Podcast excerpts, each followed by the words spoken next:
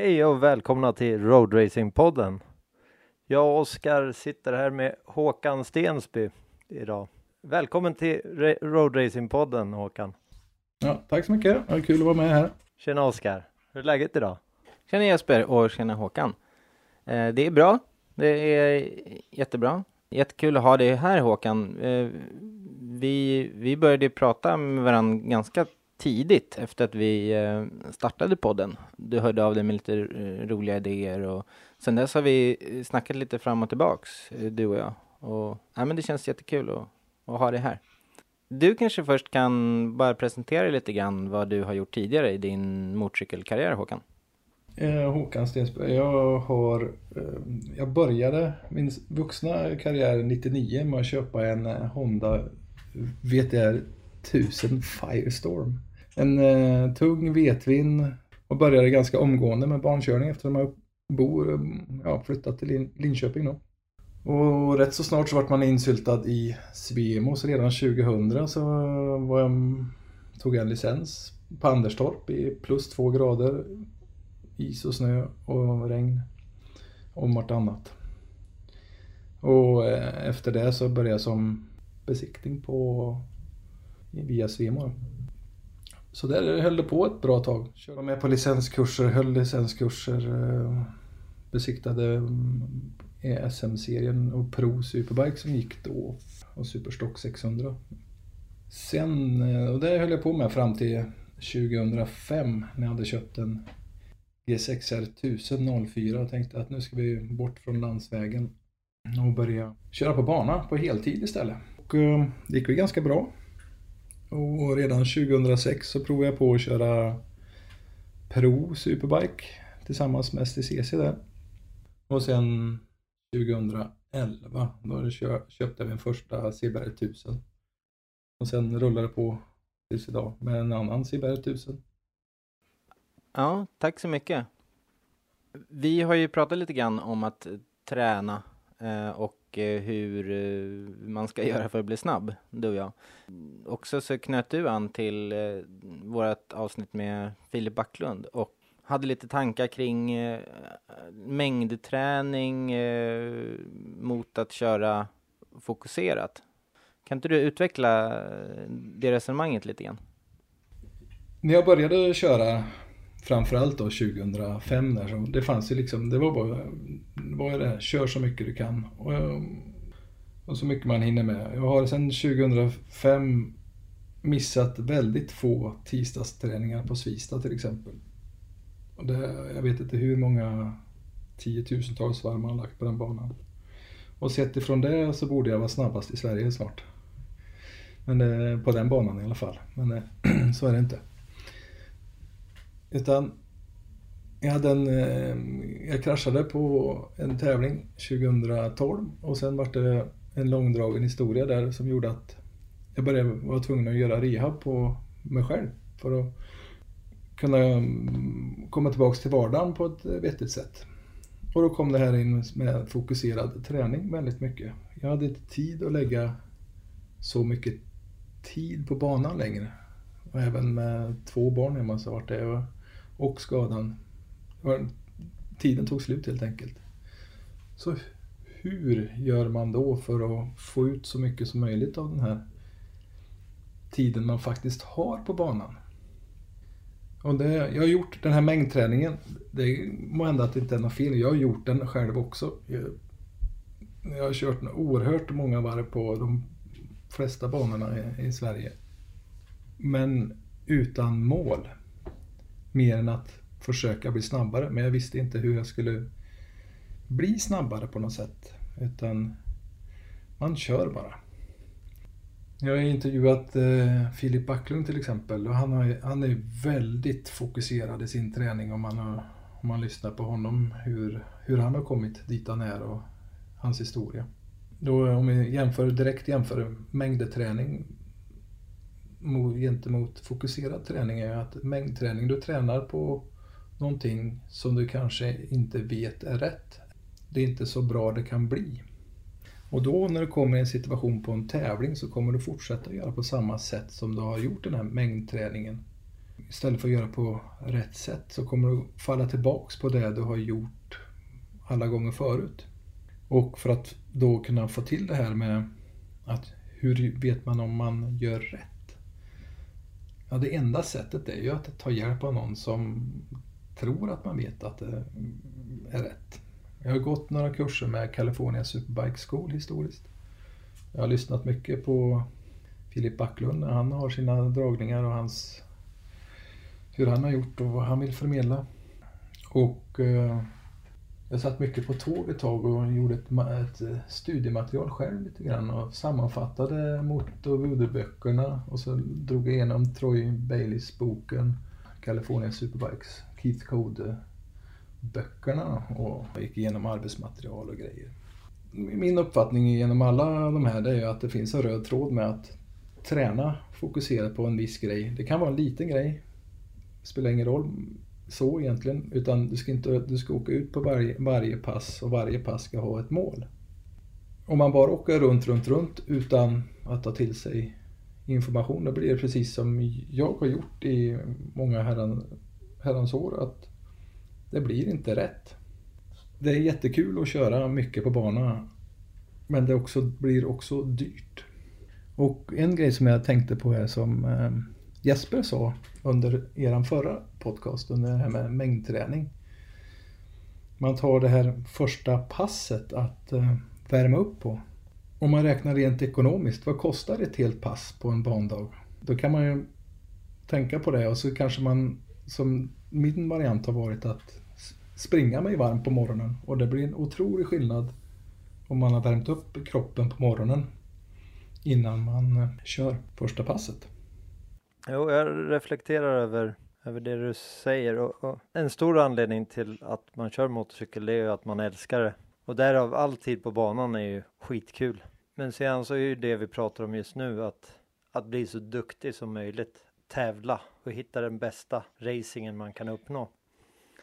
Ett av mina stora mål med bankörning överhuvudtaget är att förbättra mig. Jag vill ju, jag vill ju köra fortare. Köra snabbare, köra snabbt länge. Det här med att värma, värma upp på morgonen till exempel har ju gjort en jättestor skillnad. Mer, mer rent praktiskt så, för träningsdagar, ska man skaffa sig någon, någon hand, handledare tycker du? Backlunds Racing School och California Superbike School. Det är ju absolut bästa, men man kan ju inte göra det hur många gånger som helst. Det klarar ju ingens ekonomi. Ja, ekonomin blir ganska lidande av det i slutändan också. Men har man möj möjligheten att prova på California Superbike School eller ta Philips eh, Racing School, gör det. Jag har eh, de senaste, när jag har besökt en, ny en helt för mig ny bana de senaste åren, då har jag hyrt in en instruktör första dagen. Om det har funnits en sån. Eller i grupp.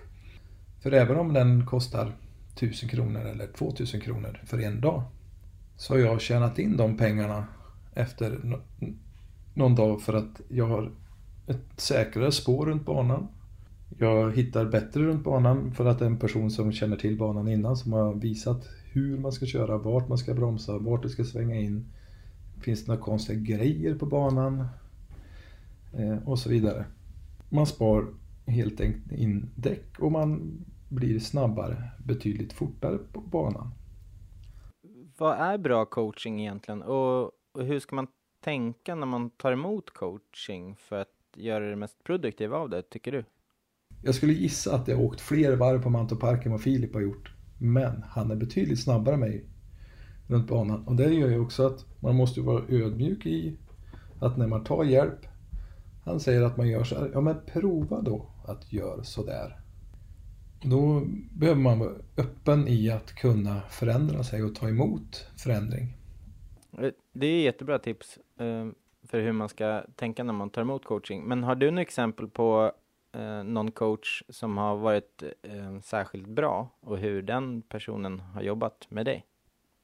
Jag har väl ingen sådär riktigt bra. Jag har inte haft fördelen att ha gått Philips Racing School eh, så, men jag har lyssnat mycket på honom och pratat mycket med honom också. Han är jätteödmjuk och lyssnar och tar till sig. Och sen en annan som har hjälpt mig mycket med, med själva motorcykeln har varit Fredrik Watz som är jättekunnig på allt som har med motorcyklarna att göra. Han har väl aldrig coachat mig direkt men han har frågat saker om hur saker och ting känns och så har han ändrat på något och så blir det bra sen. Det finns väl egentligen ingen bra, bättre eller sämre coach som jag har varit med om utan det gäller att kunna ta till sig den information på ett bra sätt som de har att ge. En eh, dålig coach hade jag på, på Assen. Han kunde inte förmedla, han kunde bara köra fort. Han kunde inte säga hur andra egentligen skulle köra fort utan han visste bara hur man körde på hans sätt. Många av de som är instruktörer har egna idéer på vad som kan vara bra eller dåligt. Om man vill ha ett, ett jämnt, en, vara säker på att man får samma sorts information från coacherna som åker med, då finns det bara egentligen California Superbike School, deras steg. Då spelar det ingen roll om det vem du har om du går steg 1, 2, 3. De kommer vara lika duktiga allihopa och lämna samma sorts information. Nu kan eh, California Superbike School vara lite speciellt. Men eh, har man tillfället att prova på den så gör, gör det. Det är jättenyttigt. Jag fick ju fördelen, jag och, och Nestor, kompisen, Fick ju fördelen att åka med Filip Backlund på Gelleråsen för två år sedan är det nu va? Och det var ju fantastiskt. Det är ju precis det du säger att är man villig att ta in det någon annan säger det, det lossnar ju direkt. Samma dag. Jag hade slitit i tre dagar med att komma ner under en elva. Sista passet där så, så, satt, så satt tiden. Och det som var väldigt bra med med coachningen från honom också. Han lånade ut kameror så man såg vad man faktiskt gjorde på motorcykeln. För man har ju kanske en bild av vad man gör och det överensstämmer inte riktigt med verkligheten alltid. Så det var väldigt nyttigt att se sin körning. Både från Philips cykel och från egna cykeln. Vad tror du, hade det varit dyrare eller billigare att ta hjälp av Filip och göra det där på en dag? Än att, eller att eh, försöka helt på egen hand? Ja, det, det är ju solklart. Det, det är ju billigare. Det är ju däckkostnader och förlorad arbetstid och, och banavgifter. Så, så att, och, och man märker det. det. Det jag märker mer och mer är kroppsligt så orkar jag inte med heller att köra så många pass och brottas med cykeln. Och det, det kanske inte är något positivt egentligen att man brottas så mycket med cykeln. Men, men, men jag känner rent fysiskt att jag inte klarar att köra så många pass på 100% av min kapacitet. Så, så absolut, prestera gör man när man går in och är fokuserad. Jag hörde ju i någon eh, podcast förut att du, du också läst några böcker. Tror du att de har hjälpt dig någonting på vägen? Om jag får ställa den frågan. Jag tror att du blandar ihop Håkan, jag tror att det är jag som har läst böcker. Jag kan ju säga så att eh, det, det, ja, jag tycker att det hjälpte i början när man inte visste någonting. Att bara för att lägga någon slags grund för hur man kör. Men sen så måste man ju öva mycket. För mig handlar det också lite grann om, om mängdträning tror jag. Att känna sig bekväm på cykeln och kunna köra avslappnat. Och sen absolut få, få rätt typ av coaching också. Ja, men det här med att, att, att, att göra någonting 10 000 timmar först så att man blir lite varm i kläderna i det, eh, tror jag också kan ha en poäng. Simon Crayford går igenom det där också med att göra rätt sak i 10 000 timmar. Annars sitter man där med att göra fel sak. Ja, absolut. Det är ja, självklart. Jag tänkte fråga dig, om vi tar en, en medelåkare här som har lite tävlingsambitioner och så. Hur skulle du vilja lägga upp ett träningsprogram för den personen? För själva bankörningen så blir det att titta på vart den, den personen är just nu. Både med att fråga och intervjua hur man upplever att man kör och titta på, på banan. Och eh, först efter det får man ju titta på vad som behöver göras åt. Det som är svårt är ju att när man åker till en bandag så är det många som har instruktörer på plats.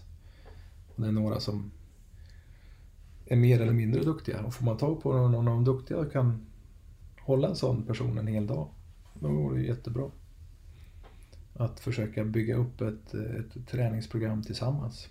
Jag och en till, när vi började tävla 2006, då tränade vi.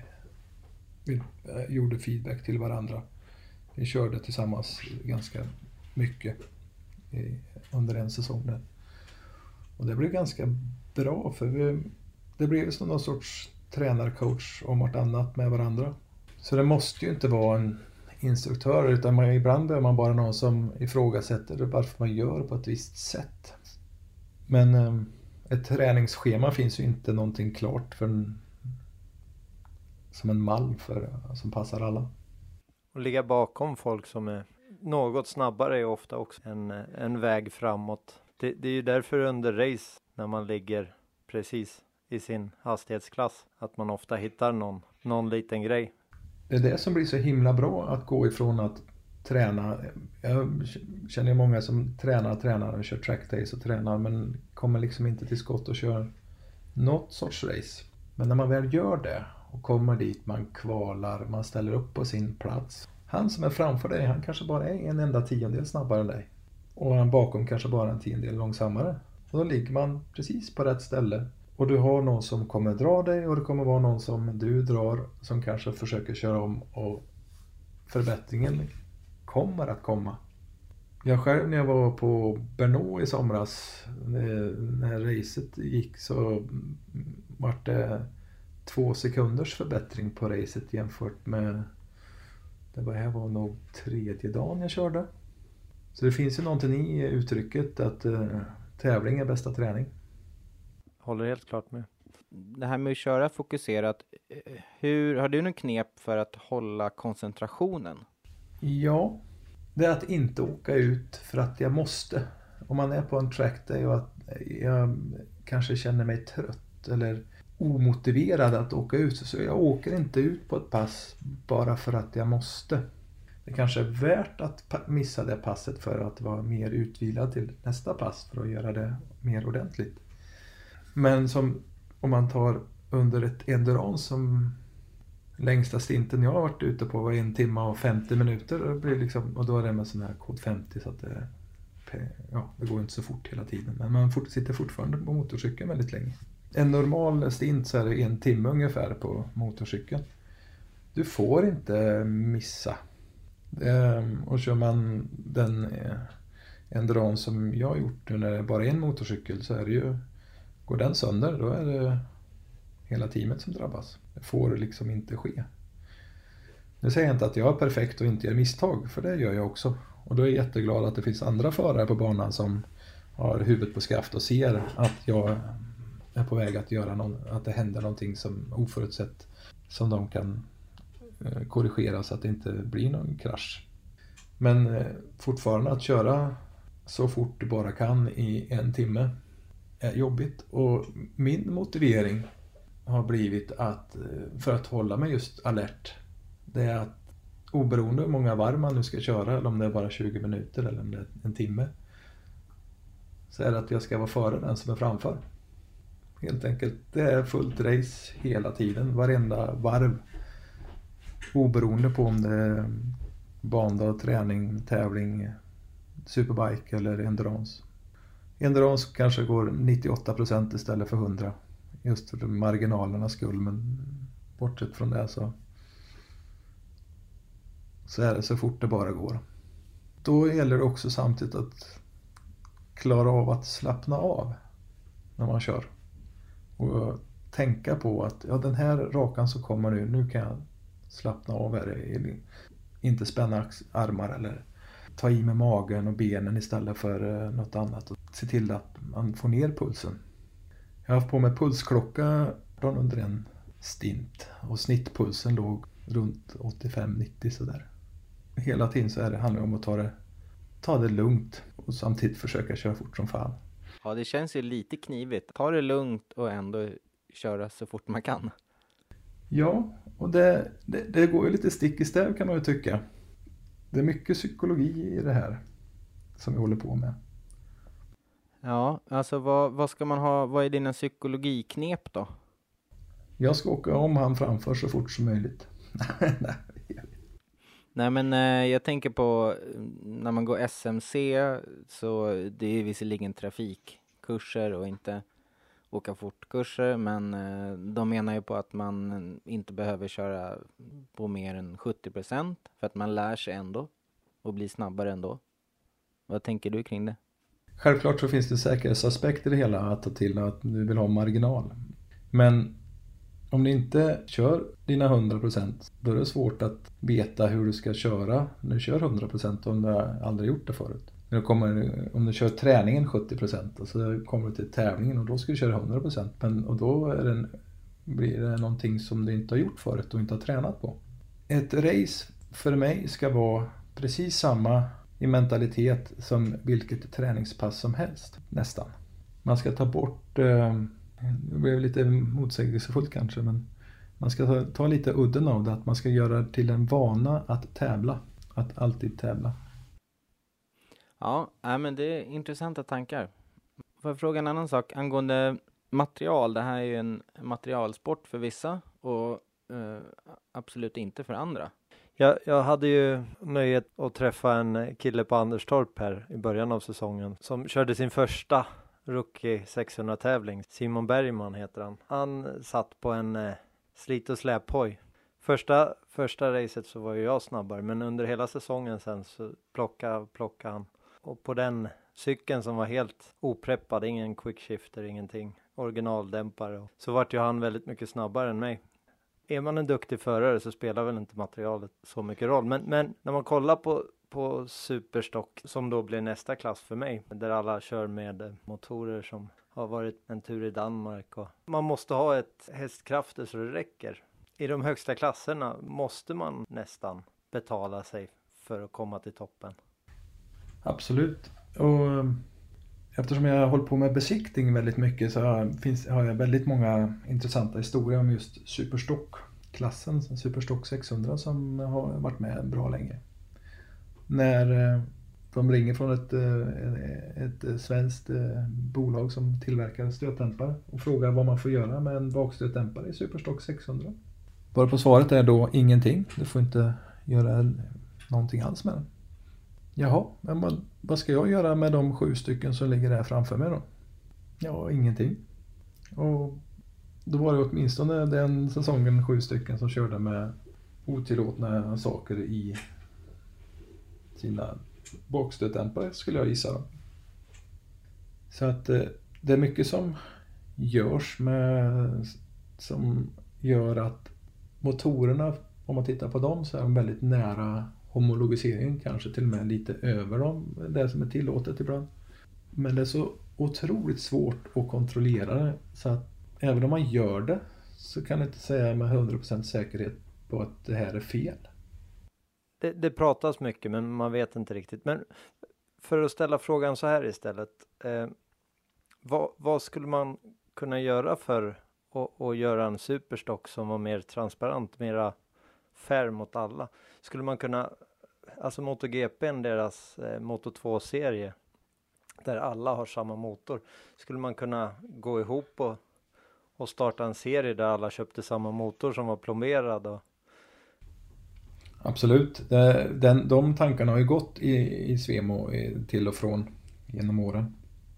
Men det finns en peng där med. Vem ska tillhandahålla allt det här?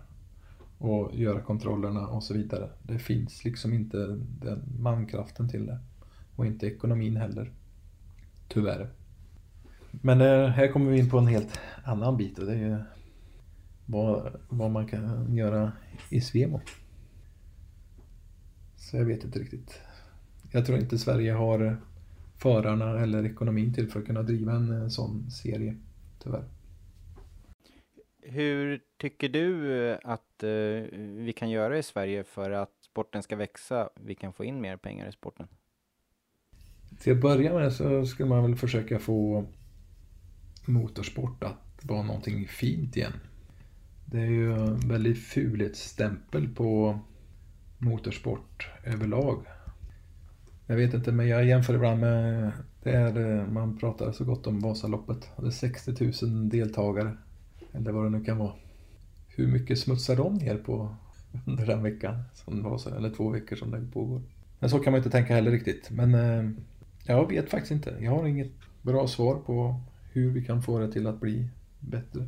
Jag vet inte ifall, ifall du har någon koll på det här, men, men jag får för mig det eftersom du är involverad i både Linköping och Mantorp. Vad ska till för att Mantorp ska kunna bli en, eh, en roadracingklassad bana som man kunde tävla där igen? Det känns ju som att den borde vara en säkrare bana än Linköping med tanke på storleken. Och... Det finns några ställen på Mantorp som inte är så bra. Men den är egentligen eh, godkänd som eh, SM-bana. Det är bara att ingen vill arrangera någon tävling där än så länge. Och därmed ger Svemo inte ut någon eh, eh licens för SM-tävlingar. Till exempel förra året så var den, ju, var den bara klassad som träningsbana.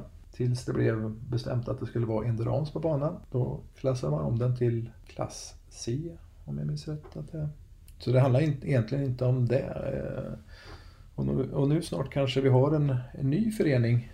Har man siktat på att ha Mantorp Park som ja, mer eller mindre som hemmabana. Och eh, med målsättningen att köra SM-tävling där 2021. Och ha 2020 lite som startuppår. Och försöka få till det där till 2021. Jag hoppas på att det kommer gå vägen och att det finns intresse för att göra det.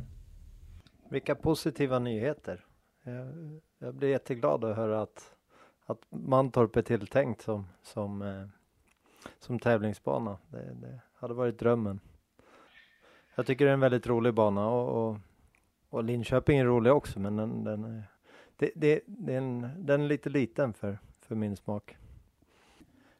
Angående klubbarna, eh, du har ju snackat om förut att du försökte dra igång satsning på Linköping som handlade om att att man har en tränare på plats, liksom, alltså som i andra sporter, att man eh, åker till en träningstid en viss dag i veckan och där finns det någon typ av struktur. Det finns någon typ av huvudtränare som håller i det istället för att som det är nu att alla åker runt och gör lite eh, vad de vill och någon käkar hamburgare, någon vill åka fort och så. Den är ju inte skapad den eh, föreningen så men tanken är att den ska heta Östergötlands Road Racing Club. Förkortas då ÖRK på ren östgötska. Där är ju tanken, idéerna så här eh, i startuppen att vi ska ha tränare. Kanske inte på alla saker som sker men på en del av dem. Och då ha att den här gången ska vi träna på de här sakerna. Det kommer att vara förutbestämt så som det var tanken jag försökte göra för några år sedan på LMS. Att eh, på den här träningen då gör vi de här momenten. Och det här är materialet ni behöver är bra om ni läser igenom innan så att ni vet vad det handlar om så att ni är förberedda på det här när ni kommer dit. Som till exempel så hade vi under ett par års tid nästan varje tisdagsträning var varje pass startades med lampstart för att då träna på lampstart. Precis som på tävling. Både för att lite ta udden av nervositeten när lampan släcks och eh, att eh, träna på startmomentet. Och det syntes eh, ganska tydligt tyckte jag på tävlingarna. Sen de som har varit där och kört de här startövningarna, de gjorde riktigt bra starter på tävlingarna sen också. Jag, tror, jag vill ju tro att träning ger färdighet i någon form. Vi ska ju ta en ordentlig genomgång med dig eh, med på både Linköping och eh, Mantorp hade vi tänkt sen. Men bara som en, en liten provsmak på det innan vi rundar av här. Hur ska man göra, tycker du, i den här eh, svåra, konstiga kurvan längst eh, bort på Linköping? Man tror att man ska dö varje gång man kör in där, fast så går det att köra mycket fortare än vad man gör. Hur ska man göra? Här vill man ju rita, visa, förklara, ha en trackwalk. Um, ehm, jag förväntar mig att de som lyssnar nu kanske känner till banan lite grann i alla fall. Och eh, ingången i Torparen den börjar ju egentligen redan i ingången i S1 som är några kurvor tidigare.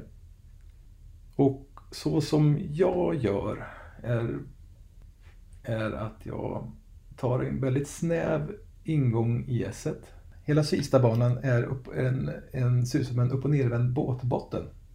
Den är alltså lite högre på mitten och lutar utåt sidorna. Så till exempel då in i S så ska man hålla sig väl till vänster så har du den innersta decimetern in i vänsterkurvan så kan du eh, åka ganska fort in där. Däcken kan släppa men det gör ingenting eftersom det lutar uppför. Och sen lägger man om den och tar lagom mycket höjd inför höger näset Du driftar ända ut i vänsterkanten och sen korsar du hela banan ut i högerkanten. Och här är det som Simon Crayford tar upp mycket om. Gör banan så rak som möjligt. Och nu för tiden när det är curbs på Svista i crossböjen som är näst, nästa sväng, lilla vänstersväng där. Då kan man sikta, då väntar man lite till än vad man har gjort förut med att ta, påbörja den vänstersvängen. Lägger ner hojen fort och får, får, och siktar redan där på torpan. Så linjen mellan vänstersväng, det påbörjar vänstersvängen till ner i torpan ska vara relativt rak. Och det som blir fördelen här med att åka väldigt nära eller på curbsen i crossböjen är att du rakar till crossböjen väldigt mycket. Det studsar till lite grann, det kommer det göra. För kärlskott mitt i det där såklart. Men det är en betydligt mindre sväng än om du åker utanför den där böggen som är i vänster, mitt i crossböjen. Och då håller hojen i princip upprätt. Så där kan du fortfarande hålla full gas genom hela crossböjen, eller väldigt nära full gas i alla fall. Det beror på lite. Men 600 så går det, men 1000 så är det eh, hårigare att hålla full gas där. Här fortsätter vi då att försöka åka så rakt fram som möjligt. Och då kommer man ju till banans högerkant. Och i ingången på S så finns det en liten väg, en grusväg som går upp till höger. När den slutar Eh, ett bra riktmärke på att börja bromsa. Och här ska du då försöka bromsa så upprätt som möjligt så länge som möjligt. Och nu efter att man gjorde om curbsen då i torparen för, till förra säsongen tror jag så går det att göra lite annorlunda här för du har mer bana att ta av. En omasfaltering där. Så förut så rundar man till Torparna lite mer än vad man behöver göra idag för att få långrakan så långt som möjligt.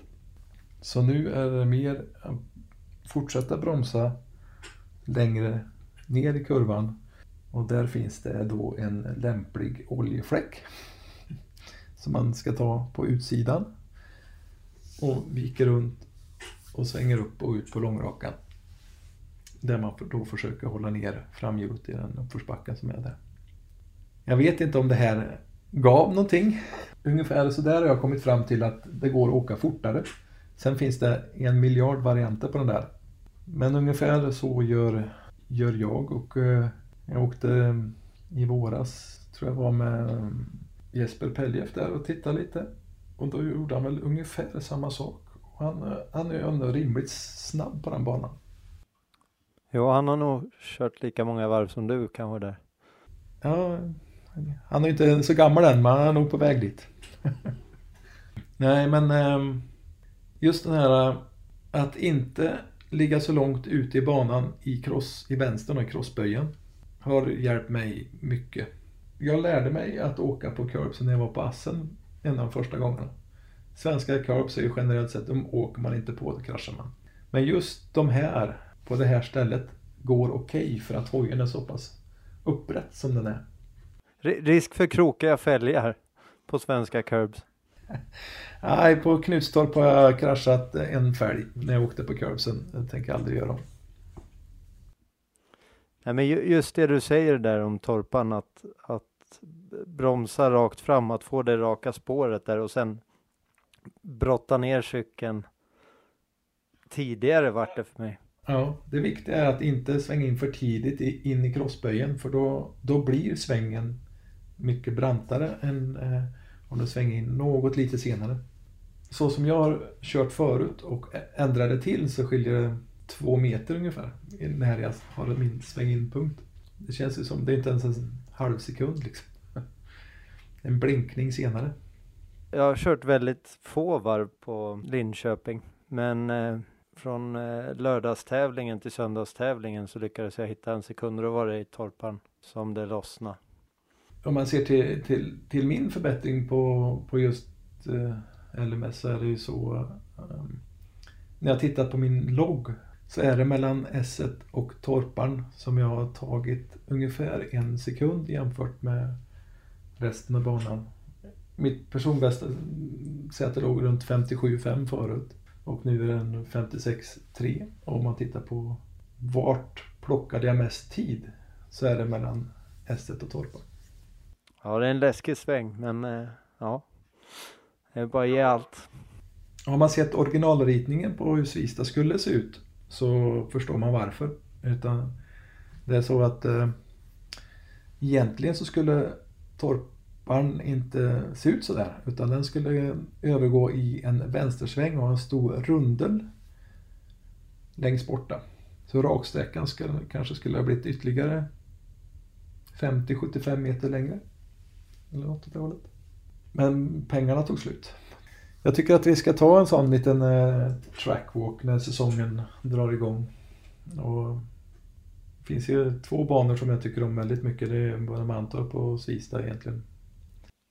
Ja men absolut, det ska vi verkligen göra. Vi, vi tar det i separata inspelningar senare. För den här gången så börjar vi känna oss väldigt nöjda här från det här hållet. Eh, hur känner du Håkan? Är det något mer som du skulle vilja ta upp? I vår, i några vintrar här har jag riktat in mig på väldigt mycket bålstabilitet. Ingen ren styrka någonstans utan det är mycket mage, bålen. Och tills i år har jag då klarat av att hålla överkroppen på ett bättre sätt. Så jag har fått mjuka upp bakänden på min hoj för, och då gått ner ifrån en 105 kilos fjäder till 95 kilos fjäder. Och då är det ingen viktskillnad på kroppen utan det är bara körstilsskillnad. För att jag klarar av att hålla upp min egen kropp bättre. Så träning eh, vid sidan om roadracingen är också viktig att tänka på. Och just den här bålstabiliteten har för mig gett jättemycket. 100% enig där. Får ju väldiga problem med rygg under längre pass. Du, du pratade om eh, endurance. Jag, jag, får så ont i ryggen så att jag mår illa av att köra så långa pass. Eh, och har precis som du fokuserat på att träna mage, sida mage. Varit väldigt försiktig med ryggen. Eh, under tiden som jag var duktig med det här så avhjälpte jag ju problemet massor. Nu har jag slarvat för att det har varit för mycket jobb.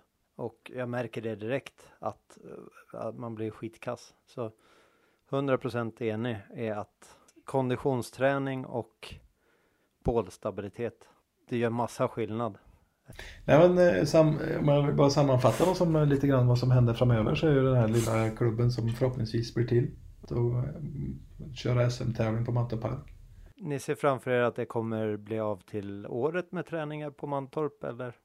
Under 2020 kommer träningarna att bli av och målet är sen att eh, eh vi kör SM-tävling 2021. Det är ju strålande. Väldigt bra tillfälle att, att, att köra en trackwalk och, och köra några varv tillsammans och spela in lite. Det tycker jag verkligen vi ska göra. Ja, vi ser fram emot det och tack så mycket Håkan för att vi fick prata med dig. Tack själva. Det har varit väldigt kul att lyssna på era podcasts. Eh, jag tror det ger mycket för många, även mig själv såklart. Och det, det är lite kul att höra på start på rookie-tiden. För, för mig är det några år sedan och jag minns knappt hur det var. Jag tycker det är ett bra jobb ni gör. Tackar, tackar. Jättekul. Då Eh, fantastiskt kul att prata med dig Håkan. Eh, vi, vi syns på banorna snart. Absolut. Tack själv.